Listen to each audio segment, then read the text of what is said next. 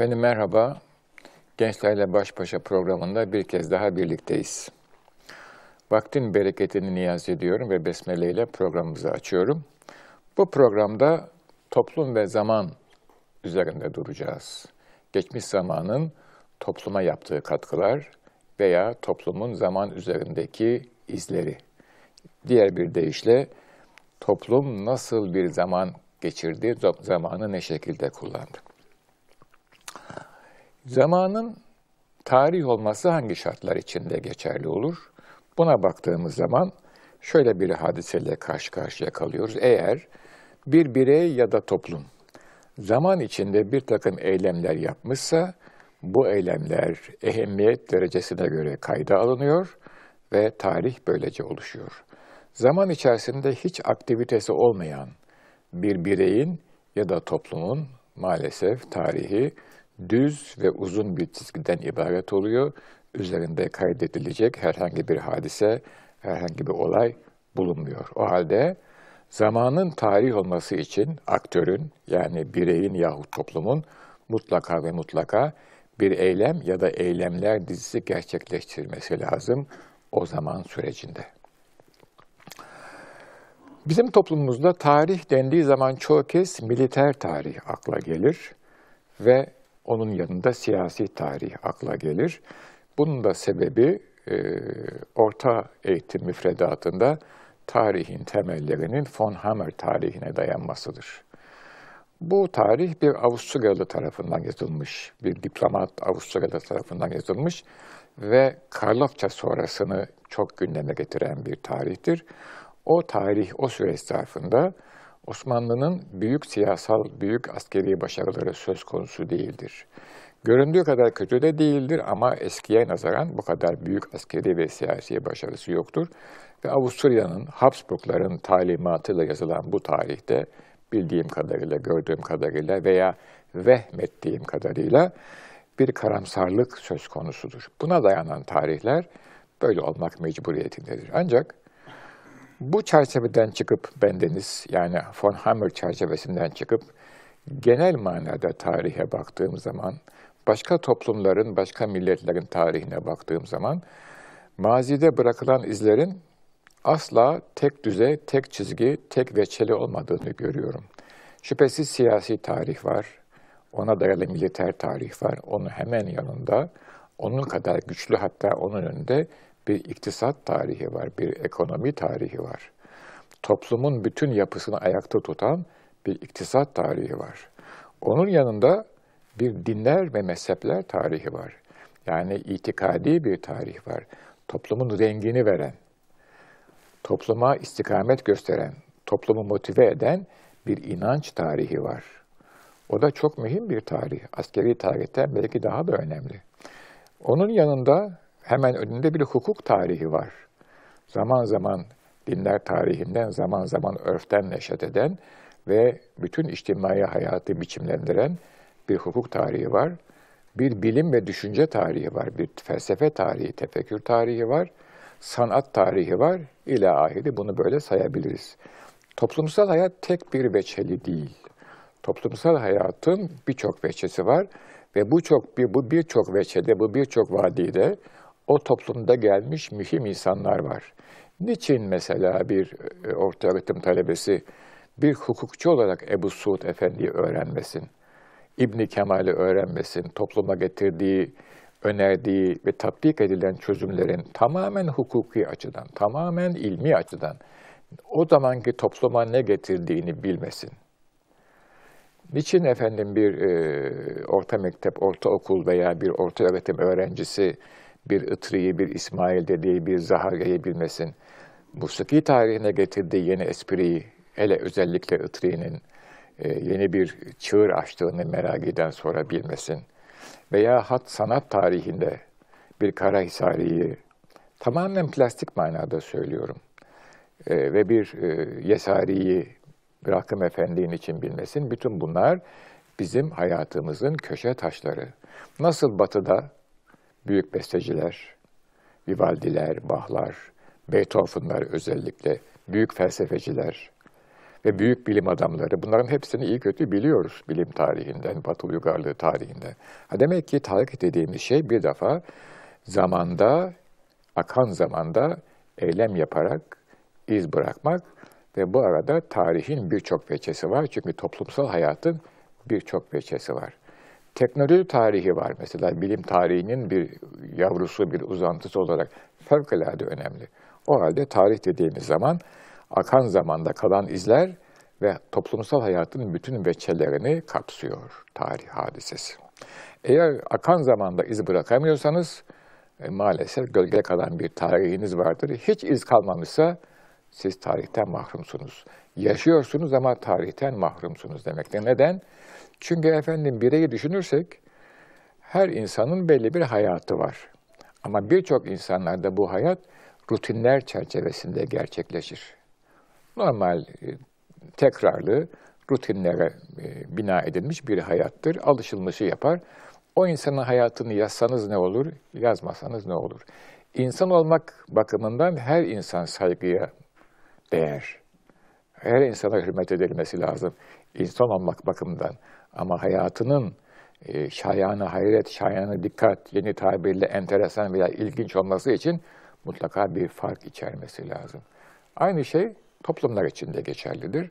Dolayısıyla sıradan toplumların hayatı ciddi bir tarihi merak uyandırmaz. Yazılsa da e, biraz e, abartılı yahut e, hafif e, istihza ile karşılanır. Demek ki akan zamanda ciddi bir iz bırakmak mecburiyetindeyiz ve tarih tek veçeli bir hadise değil. İktisattan sanayiye, teknolojiye, dine, inanca, tasavvufa, mistisizme her istikamete giden toplumun bütün veçillerini yansıtan bir olgu, bir realite. Şimdi efendim bu tarihin her olayın önem derecesi var. Yani biz bir hadise yaşadık. Bu hadise acaba bizim için ne mertebede önemli? Bu mühim bir soru. Ayrıca bu hadise bizim dışımızdaki toplumlarda ne kadar dikkate alınıyor? Bu da çok önemli bir soru. Yani bir hadisenin tarihi bir değeri olup olmadığını, zikre şergen olup olmadığını önce kendimize bakarak tayin ediyoruz. Kendi yaşadığımız hayatta. Sonra dış ülkelere ve dünyaya bakarak tayin ediyoruz. Diyelim ki rutin bir hayat yaşıyoruz. Her akşam saat 5'te e, eve geliriz. Örnek verelim çok basit olsun. E, ev halkı da buna alışmıştır. Bir akşam 5 e, yerine akşam 7'de gelsek eve bu bir endişe uyandırır. Önemli midir? Eh önemlidir 5'teki gelişimize göre. 12'de gelsek o daha önemlidir. Merak daha büyük olur. O gece gelmesek daha büyük olur. Ebediyen gelmesek büyük bir iz kalır değil mi? Bir kaza almış ve kaybolmuşuz mesela. Peki şimdi bu hareket e, dünya üzerinde çok önemli mi? Aile ölçeğinde önemli. Şehir bazında önemli mi? Yok. Birçok insan gelmiyor. Ama o gelmemek suretiyle bir banka soymuşsanız veya çok büyük bir icat yapmışsanız laboratuvarda gelmediğinizden dolayı bilimsel akışa kapılıp o anda olayın mahiyeti değişir. Mesela böyle baktığımız zaman birçok ülkede ihtilal oluyor. İşte ihtilalden söz açalım. Hele Güney Amerika ülkelerinde sabah akşam oluyordu bir zamanlar. Ama Fransız ihtilali bunların içinde bir tane. O da bir ihtilal ve yerli bir hadise. Fransa'nın içi, hatta Paris'te oluyor ihtilal. Uzun süren bir ihtilal başlıyor ama bütün dünyayı etkiliyor. O halde olayın bir veçesi nereden baktığınıza bağlı ve olayı nasıl değerlendirdiğinize bağlı. Böyle baktığınız zaman, böyle bakabildiğiniz zaman şunu görüyorsunuz. Ben bir aktör olarak bir manada hem kendi toplumumun hem de dünyanın kaderini değiştirebilir bir güce sahibim. Şimdi e, biz bu noktada çok fazla uluslararası veya evrensel bakamıyoruz hadiseye. Yani Malazgirt Savaşı ile e, Anadolu'ya giren Türkler, biz hep olayın savaş boyutunu göz önüne alırız. Halbuki Malazgirt Savaşı ile Anadolu'ya tabii ki Türkler giriyor ama Türkler oraya bir medeniyet tasavvuru getiriyorlar. O bakımdan görmüyoruz. Bu medeniyet tasavvur Anadolu'da kalmıyor. Rönesans'ın çıktığı dönemlerde ki 1200'lerin sonu yani Dante ile başlatabiliriz Rönesans'ı 1200'lerin ikinci yarısı Nerede? İtalya'da, Ege'de, Orta Avrupa'ya, şimalde Rönesans daha sonra 15. 16. asırda Kuzey Avrupa'da. Bunun ortaya çıktığı asırlarda Osmanlı siyasal gücüyle, Osmanlı nüfus gücüyle ortaya çıkan bir realite, bir devlet yeni bir medeniyet tasavvuru geliştiriyor. İslam uygarlığının genel çizgileri içerisinde Malazgirt bir dönüm, bir kırılma noktası. Ama onun ortaya koyduğu medeniyet açılımı, atılımı fevkalade mühim olarak görülüyor. Hadiseye bu gözle bakmadığımız zaman Malazgirt'i işte Doğu Anadolu'nun bir sahrasında bir zamanlar var olan Roman Diyojen ordusuyla yine bir zamanlar var olan Alparslan ordusunun bir çatışması, bir günlük bir hadise olarak görüyoruz. Ama etkileri hala devam ediyor. Yani bugün dünyada Batı uygarlığının ufkunda İslam uygarlığı diye bir realite varsa orada Malazgirt'te başlayan o büyük kırılmanın büyük yankıları ve etkileri var. Böyle bakmadığımız zaman Malazgirt'i yerli bir olay olarak görürüz. Böyle baktığımız zaman bir anda oradaki bir kader meselesi, o bir anlık birkaç saatlik meseledir. Bize yeni bir ufuk açar. Buradan şunu söylemek durumundayım. Yani bir hadiseyi değerlendirirken o hadisenin yerel ölçekteki izlerine bakmak icap eder. O hadisenin uluslararası evrensel ölçekteki izlerine bakmak icap eder. Tarih bu iki bakışın bileşkesi, birleşmesi, kompozisyonuyla oluşur. Sizin için önemli olan evrensel bir mana ifade etmez. Ama ikisi üst üste düşerse o zaman tarihte mühim işler yapmış bir aktörün, bir aktör topluluğun müntesibi olursunuz. Bu konuda bir son örnek İngiltere'nin sanayi devrimi hadisesidir. Bu hadise e, gayet net bir hadise. Bir adam, James Watt diye bir adam demiri alıyor, eritiyor. Bununla bir dizayn yapıyor. Adına buhar makinesi diyor. Kazanında kömür yakıyor. Kazanın içine de, içine de e, buhar kazanın içine su koyuyor. Buradan ürettiği basınçla bir volanı çeviriyor. Olay bu. Sanayi devriminin bugün dahi hayatımızdaki etkilerini reddetmek, bütün dünyayı etkileyen e, e, boyutunu görmemek mümkün değil. Bu ne bu? Ne askeri tarih, ne siyasi tarih, bu teknoloji tarihi. Bilim ve teknoloji tarihi. Bu tarihin ortaya koyduğu vaka, hayatın bütün veçelerini etkiliyor. Dinden, inançtan, sanattan, askeriyeye, e, siyasete kadar bütün veçelerini, ekonomiye kadar, ticarete kadar bütün veçelerini etkiliyor. Şu halde bir hayata baktığımız zaman oradaki aktörü doğru değerlendireceğiz. Onun işlerini bilebildiğimiz kadarıyla farklı ölçeklerde masaya yatıracağız. Eğer bilgimiz yetmiyorsa hüküm vermek için henüz daha erkendir diye düşünüyorum. Biraz daha okuyarak, tartışarak belki bir vizyon ortaya çıkar. Benim burada verdiğim örnekler kendi bilgilerime ve görgülerime dayanıyor. Ama şundan çok net olarak eminim ki bunların da ötesinde pek hala yeni bilgiler, yeni görgüler edindikçe yeni yorumlar da ortaya çıkacaktır. Olayın bir boyutunu görürken bir başka boyutu, bir başka boyutu daha, bir başka boyutu daha gündeme gelecektir. Çünkü insan dediğimiz realite kolay kolay tatmin olmuyor.